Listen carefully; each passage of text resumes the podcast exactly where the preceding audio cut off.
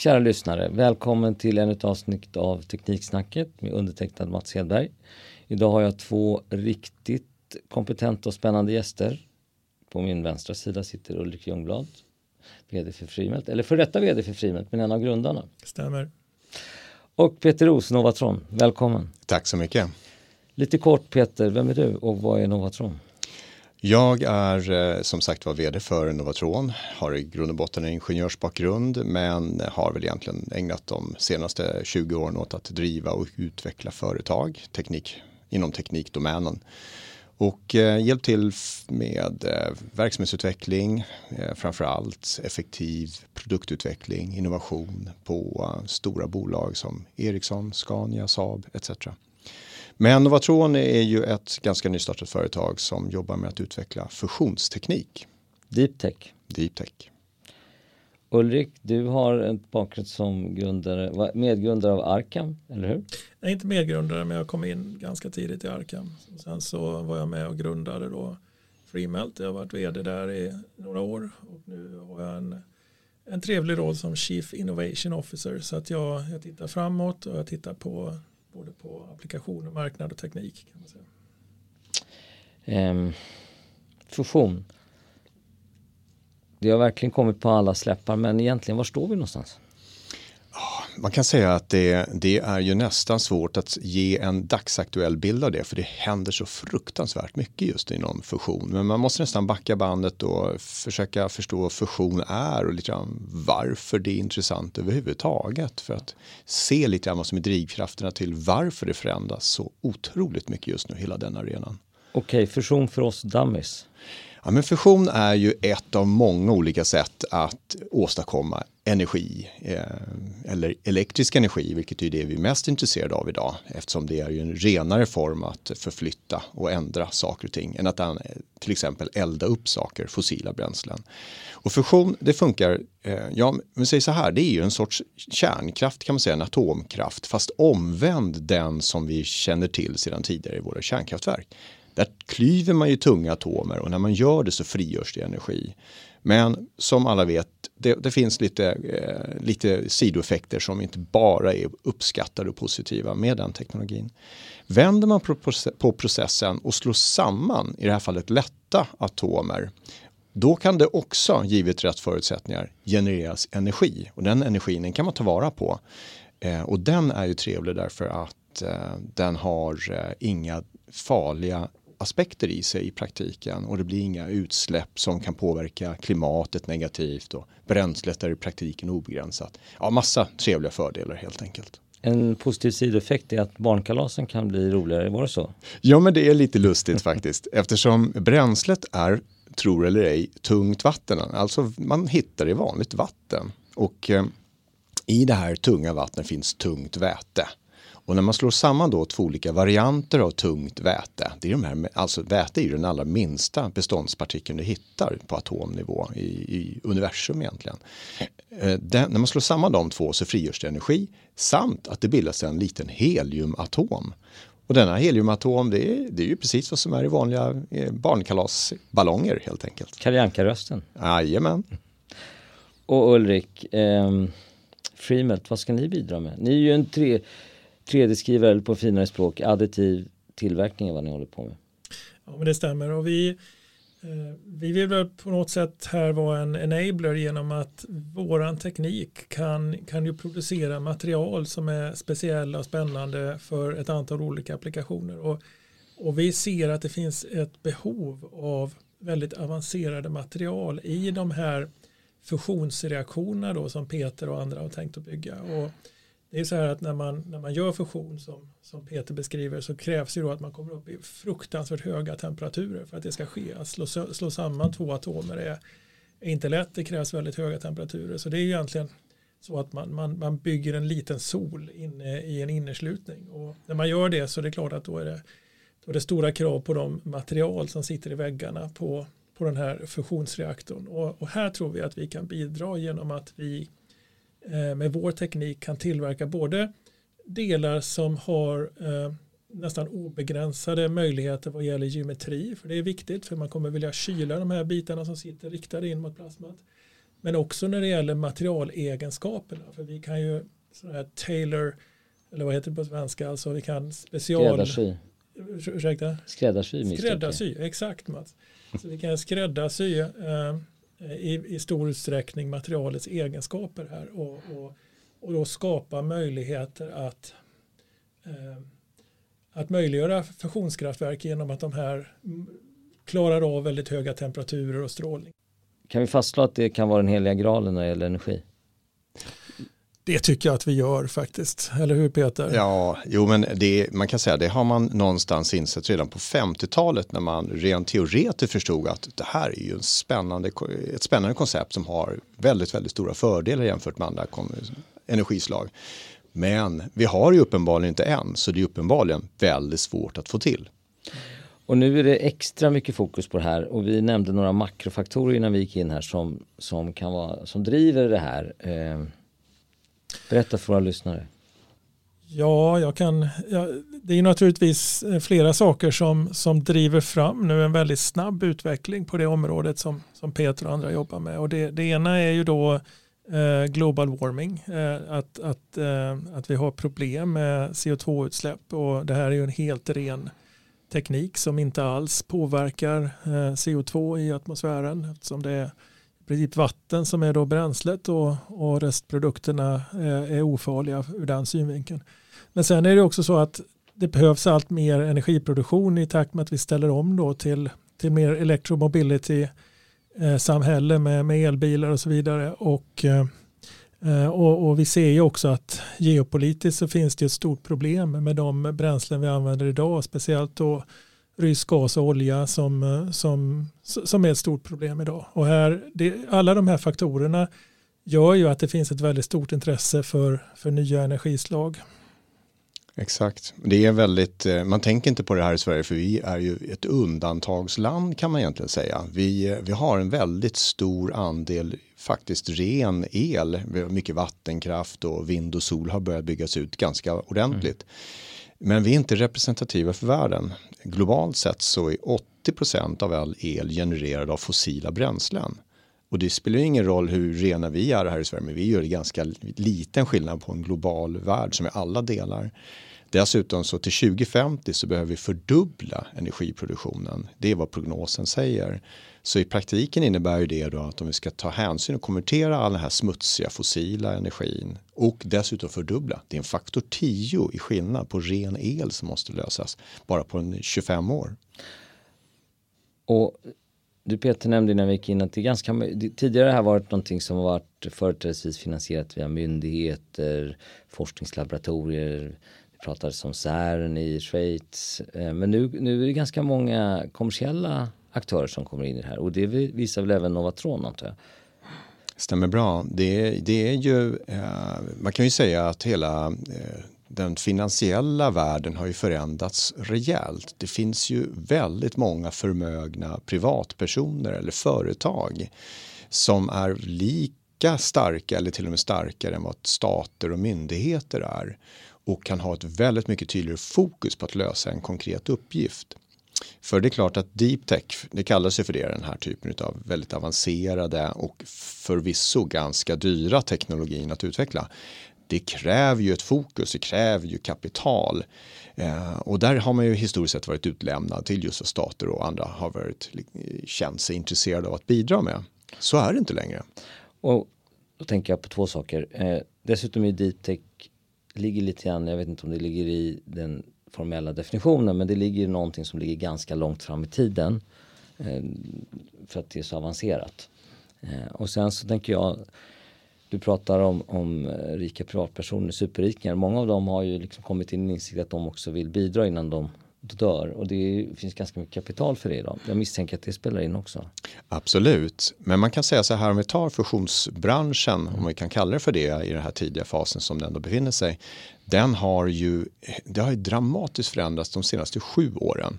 För backar du bandet, för sju år sedan så var nästan allt statligt finansierat och sen hände någonting för sju år sedan då blev det många eh, initiativ som plötsligt fick privat kapital till sig och det har accelererat utvecklingen något enormt. Och visst, det finns en stor portion altruism i det där. Man vill göra gott för mänskligheten. Men det finns strikta kommersiella intressen där också. Därför att man ser att nu är det inte de där berömda 30 åren bort längre vi talar om det här. Och när väl fusions går att eh, kommersialisera, då pratar vi väldigt stora värden. Det är lite av ett trendbrott egentligen vi ser i världen inom vissa områden. För det, det liknar ju egentligen vad som händer i rymdteknologi där, där också stora privata initiativ har kommit in som, som ja, med SpaceX framför allt. Då, som, och, och, och, det, är alltså, det här är ju satsningar som tittar väldigt långt bort. Här, där plötsligt då privata initiativ har, har gått in och satsat stort. Och det, på samma sätt är det nu i fusionsindustrin. Mm.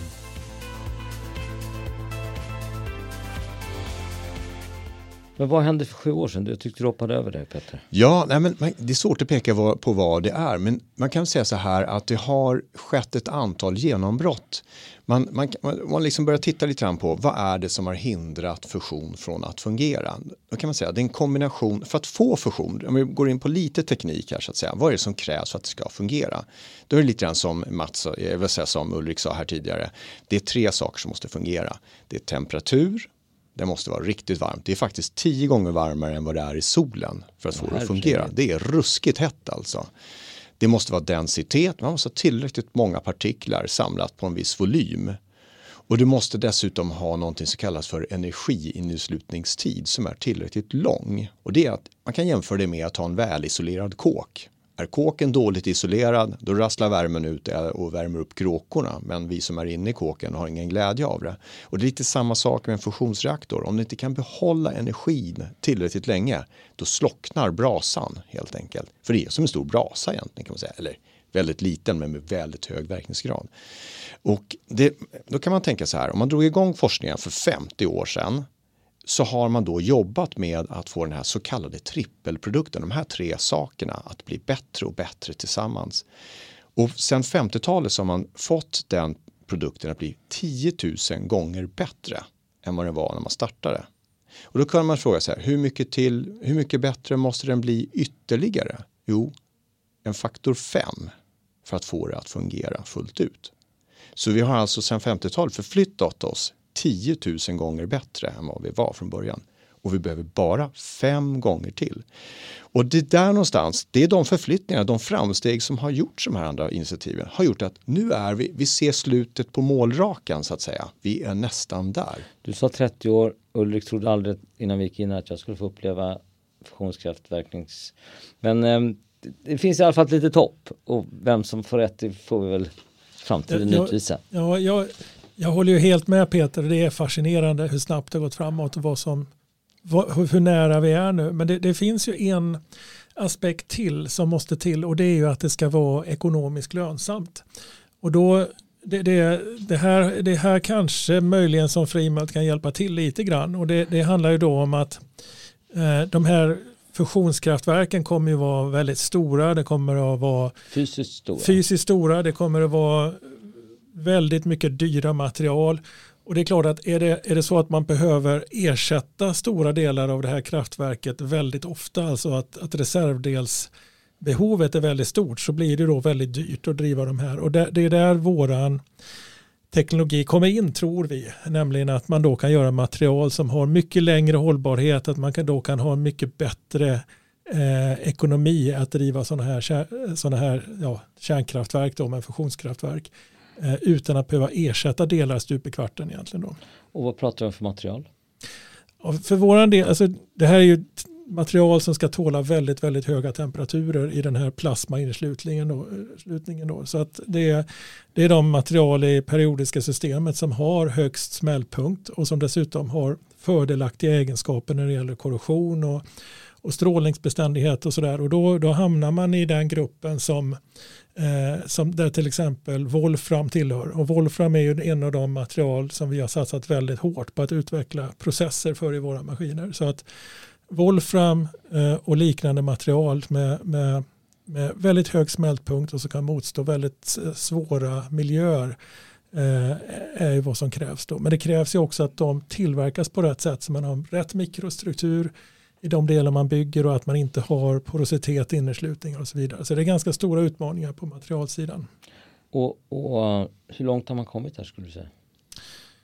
Ja, det, det, här har ju pågått då som Peter säger i 50 år så att man har gjort otroligt mycket forskning på vad man behöver men, men fortfarande är det uppenbarligen inte, inte framme. Vi, vi har ju fått en order från något som heter UKAEA, eh, Eh, United Kingdom Atomic Energy Association på en studie runt material eh, där, vi, eh, där vi nu jobbar med dem att, att undersöka vad kan 3D-printad Volfram Wolfram åstadkomma i form av materialförbättringar för just den här typen av applikationer. Så att det pågår ju fortfarande forskning och vi deltar i det.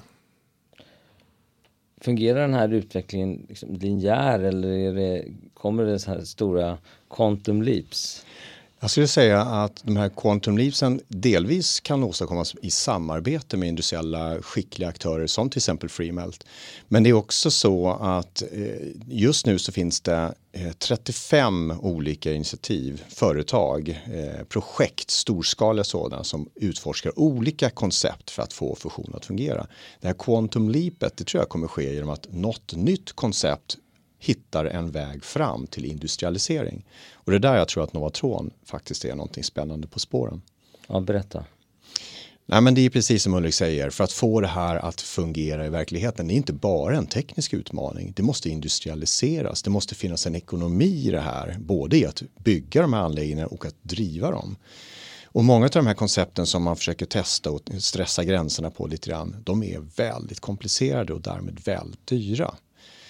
Då kan man säga att många av dem hänger ihop med att eh, för att få det här att fungera, att klara av de här höga temperaturerna så måste man innesluta det här heta plasmat. Det blir ett hett plasma när man värmer upp till 150 miljoner grader. Och det kräver ett magnetfält och ett vakuum där man innesluter det här. För det finns inga material som kan direkt vila mot det här heta plasmat. Det smälter ju helt enkelt. Så därför har man då det här fritt svävandes i ett vakuum det låter som science fiction. Ja, skojar du? Ja. Men det, grejen är att det funkar ju idag. Men man får inte stabilt tillräckligt länge. Det är det här plasmat har en tendens att kollapsa. Det faller isär, det träffar väggarna, strukturer. Man får inte att vara på det stället där man vara. Och det är det, det är det som är den här energiinneslutningstiden som blir problemet då. Man håller inte kvar värmen tillräckligt länge på rätt ställe. Och det försöker man idag på, i väldigt många sammanhang lösa med avancerade supraledande magneter som skapar, alltså det är jättestarka magneter, mycket, mycket starkare än de vi någonsin möter i vår vardag. Eh, och, och, så det är brute force helt enkelt som man försöker lösa det här. Och det är superdyrt. Riktigt avancerad materialteknik men riktigt svårt att få till. Men det är en konsekvens av att de här är inte stabila de här inneslutningarna. Det är lite grann som att man försöker balansera en boll på ovansidan av en upp och nervänd skål. Det går men du får jobba rätt hårt. Mm. Den här uppfinningen nu som eh, Novatron har tagit fram, den har hittat en konfiguration av magnetfältet som skapar en magnetisk skål istället. Som innesluter det här plasmat och gör en självstabilisering som gör att man inte behöver de här supraledande magneterna man behöver inte de här kompenserade avancerade systemen som är dyra med mycket risker kring att få att fungera. Och det sänker kostnaden rejält både för utvecklingsarbetet och framförallt i industrialiseringssteget när man ska bygga de här anläggningarna. Så ni kan vara The Quantum Leap? Vi hoppas det. Jag måste få fråga en sak. Ehm, nu pratar vi ju om, om fusion och vi kommer att prata om fusion men, men när man tänker utvecklandet av rymdindustrin så, så kan man diskutera hur liksom, ska man lägga alla resurserna på det här och ditt och datten. Men man fick massa positiva spin-offs av det. Massa teknik, material etc. som vi inte, kanske inte hade haft annars. Är det samma sak i utvecklandet av fusionskraften? Ja det tror jag verkligen. Jag, jag tror att eh, alla sådana här stora satsningar i historien har genererat fantastiska spin-off verksamheter som man inte kunde förutse med nya tekniker, nya idéer och nya applikationer till, till stort gagn för, för människor. Så att eh, jag tror man kan vara nästan egentligen 100% säker på att den här forskningen och den här satsningen på fusion också kommer att generera eh, den typen av, eh, av verksamheter. Och, och för att, för att det, det, det handlar ju om det handlar inte bara om material, vilket är otroligt viktigt, men det handlar ju också om kunskapsbyggande runt, runt magnetiska magnetiska fält för, för nya applikationer och det handlar också om, om att industrialisera den här typen av verksamheter. Så att det, det genererar massor av kunskap som, som kan användas på många ställen. Ett par exempel kan vara, vi nämnde de här magneterna precis som du säger om spännande materialforskning och bara det kan vi prata hur mycket som helst om. Men vi tar specifikt magneterna. De blir som sagt var extremt avancerade och, och de utvecklas jättemycket. Det kan till exempel användas inom tågindustrin vi kommer ha magnetsvävande tåg som tar sig fram med riktigt, riktigt hög hastighet. Det finns ju eh, hyperloop-projekten och sådär. De som innebär egentligen att man bygger in tåg i tunnlar och, och där kommer magneterna som dyker upp. Den utvecklingen som eh, leder fram där kommer bidra till att vår infrastruktur globalt kommer att utvecklas något enormt. Sen har vi en annan bit. Vi har ju ett, ett problem med det historiska kärnavfallet från den traditionella kärnkraftsindustrin som ligger och strålar i 750 000 år innan det är ofarligt. En positiv bieffekt med de här fusionsreaktorerna det är att det skapas neutroner och de neutronerna de kan man använda till att upparbeta det gamla kärnavfallet så det blir ofarligt. Ja, det, det låter ju väldigt lovande måste jag säga. Eh, också en litet sidospår. Du sa hur man skulle kunna bygga framtidens järnvägar. Betyder det att det är ganska dumt att lägga räls på marken just nu? Ja, dumt och dumt. Jag tror att man, eh, man måste alltid löpa parallellt på samma sätt som vi inom fusionsindustrin tycker att vi ska absolut satsa på att bygga ut solkraft och vindkraft för vi kan inte vänta. Vi har, klimatet väntar inte. Nej. Och samma sak är det med infrastruktur och järnväg också. Vi behöver fortfarande bidra till att utveckla hur vi, kommer, hur vi egentligen transporterar oss och saker. Men parallellt med det här så kommer det ske spännande förändringar kring hur vi transporterar oss. Helt klart. Jag tycker det är spännande det du säger om magnetfält också. Jag menar det är ju det är så att för att gå till ett väldigt mycket enklare exempel ändå då, men ändå som i, i våra maskiner så styr vi våran elektronstråle som vi använder för att smälta materialet med hjälp av magnetiska fält och magnetiska spolar. Och man kan säga att vår teknik bygger på någonting som var stort i den första halvan av 1900-talet och en bit in på andra halvan. Sen var ju det någonting som mera nästan föll bort, liksom det här med elektronstrålar.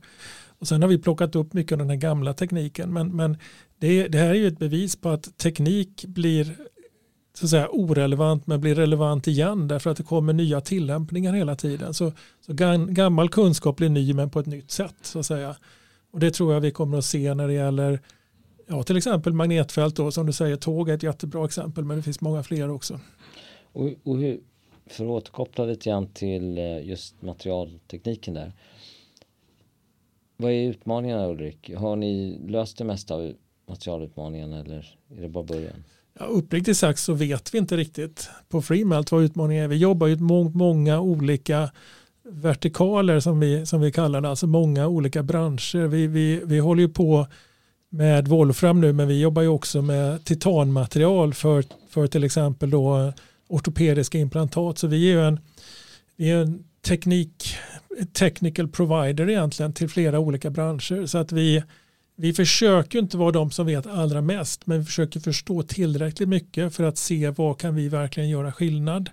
Och, men när det gäller då fusion och eh, och material och framförallt Wolfram så, så ser ju vi i de kontakter vi har haft att, att när vi visar vad vi har gjort så är man väldigt, väldigt intresserad av de materialegenskaper vi har. Därför att Wolfram är ett material som är väldigt svårt att tillverka med, eh, med hög densitet, alltså att det är helt solitt. Därför att eh, ja, men så här att Wolfram är ju det material i periodiska systemet som har högst smältpunkt. Ska man gjuta ett material så måste man ha gjutform. Eh, och, och ska man då gjuta det material som har högst smältpunkt då finns det inget att gjuta det i. Så att det gör ju att det, näst, det är omöjligt att gjuta volfram till exempel. Och då måste man ju ha andra tekniker för att tillverka det materialet. Och här, här har vi någonting som vi ser är väldigt, väldigt bra på att göra volfram på ett väldigt, väldigt bra sätt.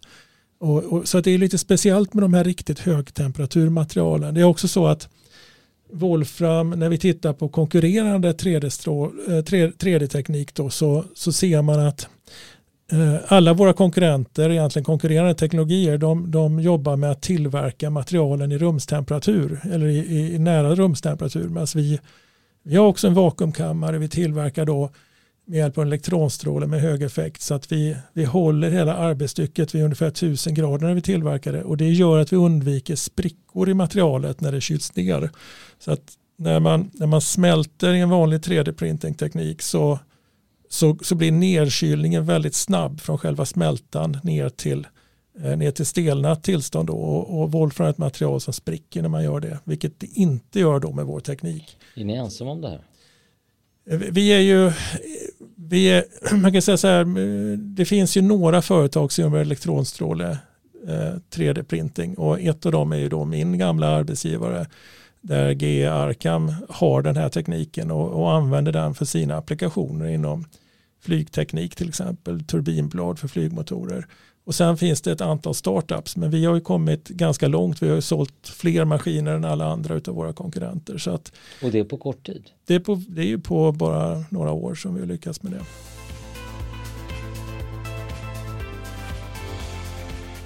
Spännande. Peter, vad säger du eh, när det gäller med materialtekniken? Ja, men alltså, jag tycker det är jättespännande. Och jag tycker det här med FreeMelt är ett jättebra exempel på eh, avancerade eh, teknikföretag där Sverige sticker ut internationellt sett. Eh, där jag också ser att vi har en, en viss kulturell fördel. Vi gillar att samarbeta i Sverige. Vi gillar att lyssna och inspireras av varandra.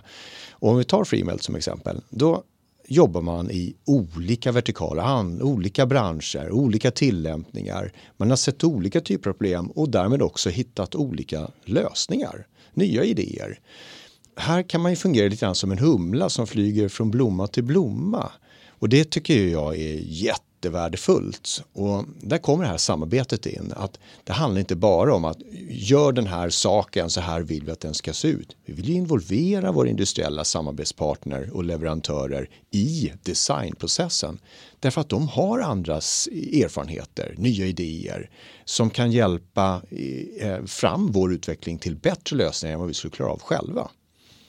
Jag tycker det, den här liknelsen vid en humla var väldigt bra faktiskt. Ja. Det är ju det vi gör. Vi åker runt och pollinerar på olika ställen Exakt. genom att vi tillför eh, kunskap vår, teknik på flera olika, flera olika ställen då egentligen. Mm. Och, och jag, jag tror likadant det här med samarbete. Vi är ett ganska litet land men med väldigt, väldigt eh, duktiga ingenjörer och, och, och, fysiker och så vidare. Och det, jag tror att det, det, är någonting man ofta ser här i Sverige att det sker ett samarbete. Vi pratar med varandra mer kanske än i större länder och vi, vi vet att vi måste samarbeta därför att resurserna är egentligen mindre men när vi slår oss ihop och, eh, och pratar med varandra så, så händer det grejer liksom som, som, som vi gör här nu och, och, och jag tycker också att Novatron är ett väldigt bra exempel på det här.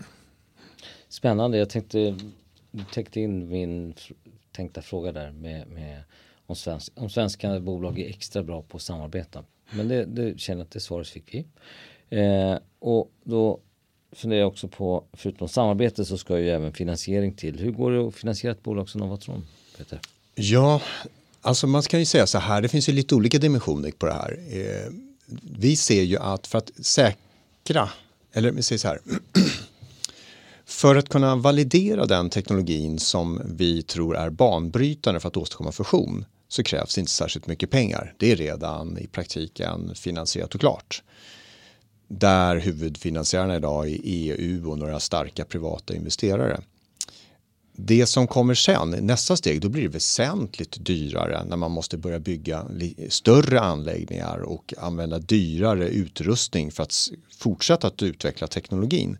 Och då blir frågeställningen lite annorlunda därför att det här är ju också så att det här är en som vi pratade om lite grann om förutsättningar i inledningen av det här samtalet. Eh, det här med att ha tillgång till ren energi som fungerar dygnet runt, året runt, där varje land kan själv förse sig med den energin de behöver. För alla har tillgång till bränslet. Jag menar, vi skapar en sorts energisäkerhet och det finns ju en geopolitisk eh, dimension i det här. Och då kan man ju fundera på om det inte är som så att det borde bli, vara ett nationellt intresse av att försöka skaffa sig en, eh, ett inflytande och kontroll över den här typen av teknologi. Och med det sagt så kan jag tycka att det finns en poäng för stater att involvera sig i det här parallellt med privata initiativ. för att få en, en bra frammarsch på det här. Gör de det? Har de förstått det här? Den här dimensionen? Jag skulle vilja säga att eh, många länder har eh, kommit ganska långt i den insikten. Jag tycker några sticker ut. Storbritannien, eh, Kanada, USA. De har ju satt ihop en nationell fusionsstrategi för man inser att det här kommer förändra deras värld enormt. Sverige ligger lite efter och det är inte så himla konstigt. Vi har ingen historik av att ha jobbat med industriella tillämpningar av fusion utan det har varit väldigt mycket på ett forskningsstadium. Så här finns det lite grann att springa ikapp. Och det är inte bara en fråga om pengar. Det är komplext. Det här är ju någonting som hamnar i botten på vår samhällspyramid där vi bygger upp. Allt är beroende av energi. Det blir väldigt många saker som måste samverka. Lagar, regelverk, eh, industriella samarbetspartners. Det är massor med samverkan som måste till. Det handlar inte bara om pengar. Det blev det två intressanta spår för mig eh, och kanske för våra lyssnare. Eh, nummer ett, om man då har löst det här? Är liksom energifrågan borta från bordet överhuvudtaget? Är det liksom, vi behöver inte bry oss, är det så? Man ska alltid bry sig. Jo, men... Man ska alltid bry sig om energi. Men jag förstår vad du menar. Eh, det, det kommer inte handla om att man ska utnyttja något lands naturresurser för att sko sig på det. Det är inte heller en fråga om att vi ska låna av våra barnbarn och framtida generationer och deras klimat för att vi ska ha det gott. Det problemet, det kommer vi ha borta. Så sen, är, sen är det ju så här också att fusion eh, är ju någonting som har en potential till väldigt, väldigt omfattande energiproduktion. Mer än egentligen alla andra Exakt. energislag. Så att, så att jag tycker att det ligger mycket i det Mats säger. Att det här skulle verkligen kunna vara lösningen på egentligen då ja, förenklat alla energiproblem som vi har faktiskt. Och även ganska geopolitiska spänningar, många krig, konflikter handlar ju om tillgång till energi. Exakt. Och det, kommer bort, det tar vi bort från bordet, eller? Ja, men det måste man ju ändå säga. Vi kan ju se att eh, vissa stora länder framför allt använder ju tillgång på energi som ett utpressningsmedel. Bara här i vår närregion. Vi ser ju vad som händer med hur Ryssland har förberett sitt anfallskrig mot Ukraina. Är de stora oljebolagen inne mycket i det här? De är faktiskt eh, oväntat kan man kanske tycka, ja, men inte så. Inte. Nej, det finns ett intresse för dem naturligtvis. Va? Men det, de investerar mycket i, även i fusionsteknik. De sprider sina marker skulle jag gissa. Säkert så. Jag tror även de ser att, att det, liksom, det finns en bortre gräns för fossila, uh, för, för, för fossila energislag. Så att uh, det, det ligger helt i deras eget intresse att att vara med på de nya satsningar som finns egentligen. Om man har lärt sig av historien så kan man ju då konstatera, vet ni vad många av de största företagen höll på med på USA-börsen i början på 1900-talet? Nej, berätta. Nej. De tillverkade is till kylskåp. Mm. Ja, visst. Är det någon som skulle vara på att försöka ta finansiering för att tillverka is idag? Jag tror inte det va? Nej, världen förändras.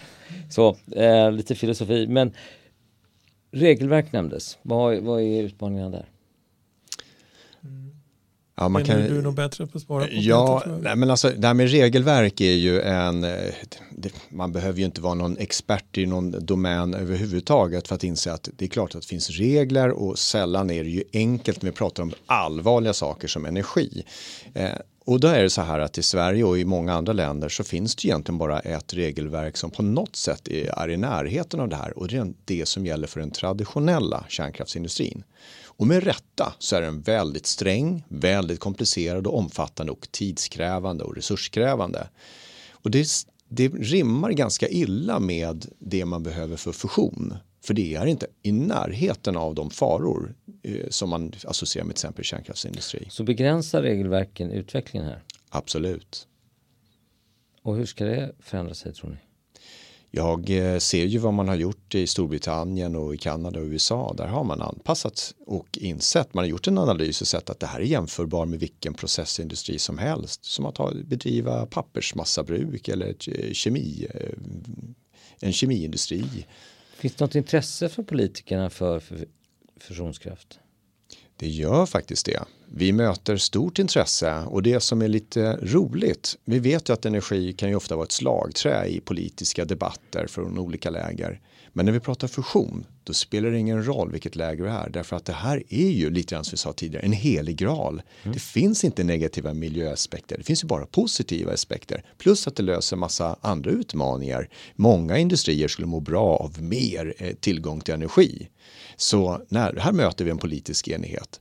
Men det är ju ändå en resa att skapa den infrastruktur eller den community som vi brukar säga som mm. behövs för att få det här att få riktig fart. I varje fall i Sverige. Sen får man nog, eh, det är kanske en personlig reflektion, men man får ju akta sig för att tro för mycket på vad som går att åstadkomma på för kort tid. Så att, så att eh, jag skulle säga att det är viktigt att fortfarande hålla, hålla, hålla fokus på det som du nämnde förut Peter, också den här omställning som sker mot förnybar energi. Den är ju en del av hela ekvationen att klara det här både på kort och lång sikt egentligen. Absolut, Nej, men jag håller med. Är, vi, måste, vi måste jobba hela tiden med att adressera de problem vi har idag. Det kan vi inte bara satsa allt på framtiden. Det måste vi göra också. Spännande, vi börjar närma oss slutet. Är det några sista ord som ni vill eh, förmedla till våra lyssnare som ni inte tycker att vi har täckt in?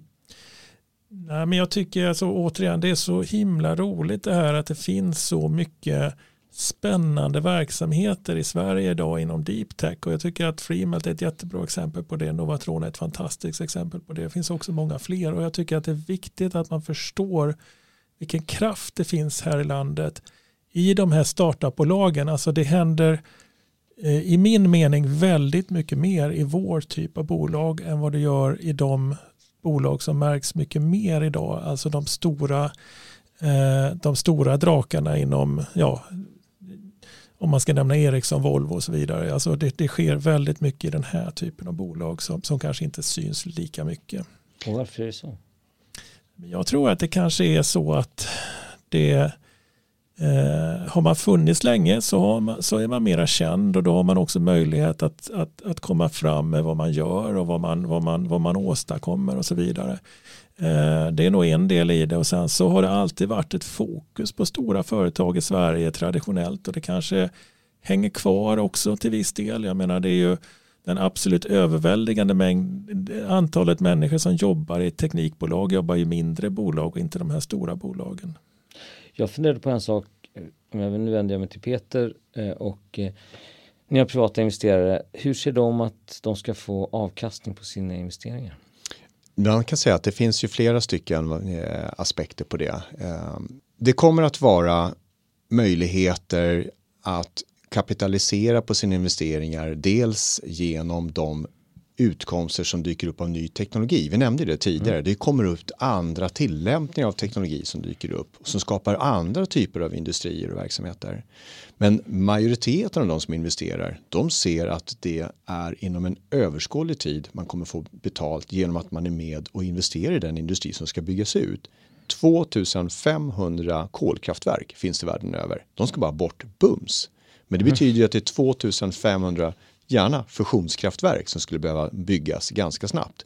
Och ett sådant kraftverk kostar i storleksordningen 50 miljarder kronor att bygga. Eh, ja, det är klart att det blir mycket pengar eh, för de här investerarna. Sen är det klart att beroende på hur stor investerare du är, du kliver in i olika faser. Det är en väldigt intressant värdeutveckling på de fusionsbolag som redan finns idag. Det ser vi ju att eh, de som har kommit en bit på vägen, de värderas redan idag väldigt högt. Så det finns ju många som ser en poäng i att kunna investera och kanske kliva av på vägen också. Men det är inga snabba intäkter misstänker jag. Nej, det ska man nog ha insikt om att det kommer att dröja. Men som sagt var, teknologier som dyker upp vid sidan av kan skapa andra typer av intäkter på väsentligt kortare horisont. Ja, det har väl Freemelt visat om inte annat. Ni har ju, säljer väldigt mycket av era maskiner till eh, forskningsinstitutioner och utvecklande bolag och liknande.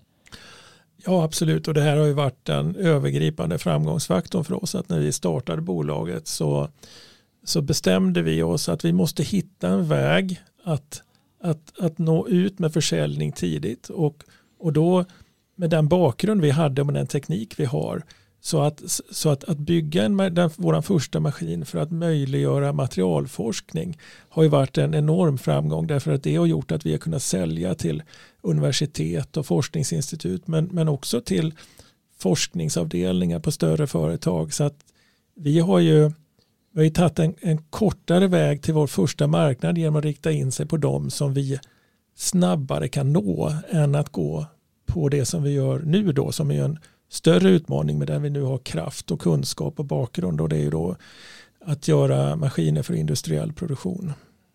Bra, spännande. Något ni vill tillägga, tillägga innan vi rundar av det här tycker, som jag tycker har varit väldigt spännande samtal? Det finns ju mycket som helst. Men, eh... Vi kan göra fler poddar om det här. jag känner i alla fall att det är... Jag tror att eh, fusionskraft kommer generera många fler poddar framöver. faktiskt. Ja, nej men det, det är jättespännande tycker jag. Jag känner mig lite upplyft. Tack snälla för det här samtalet. Tack själv. Tack, tack ska du ha.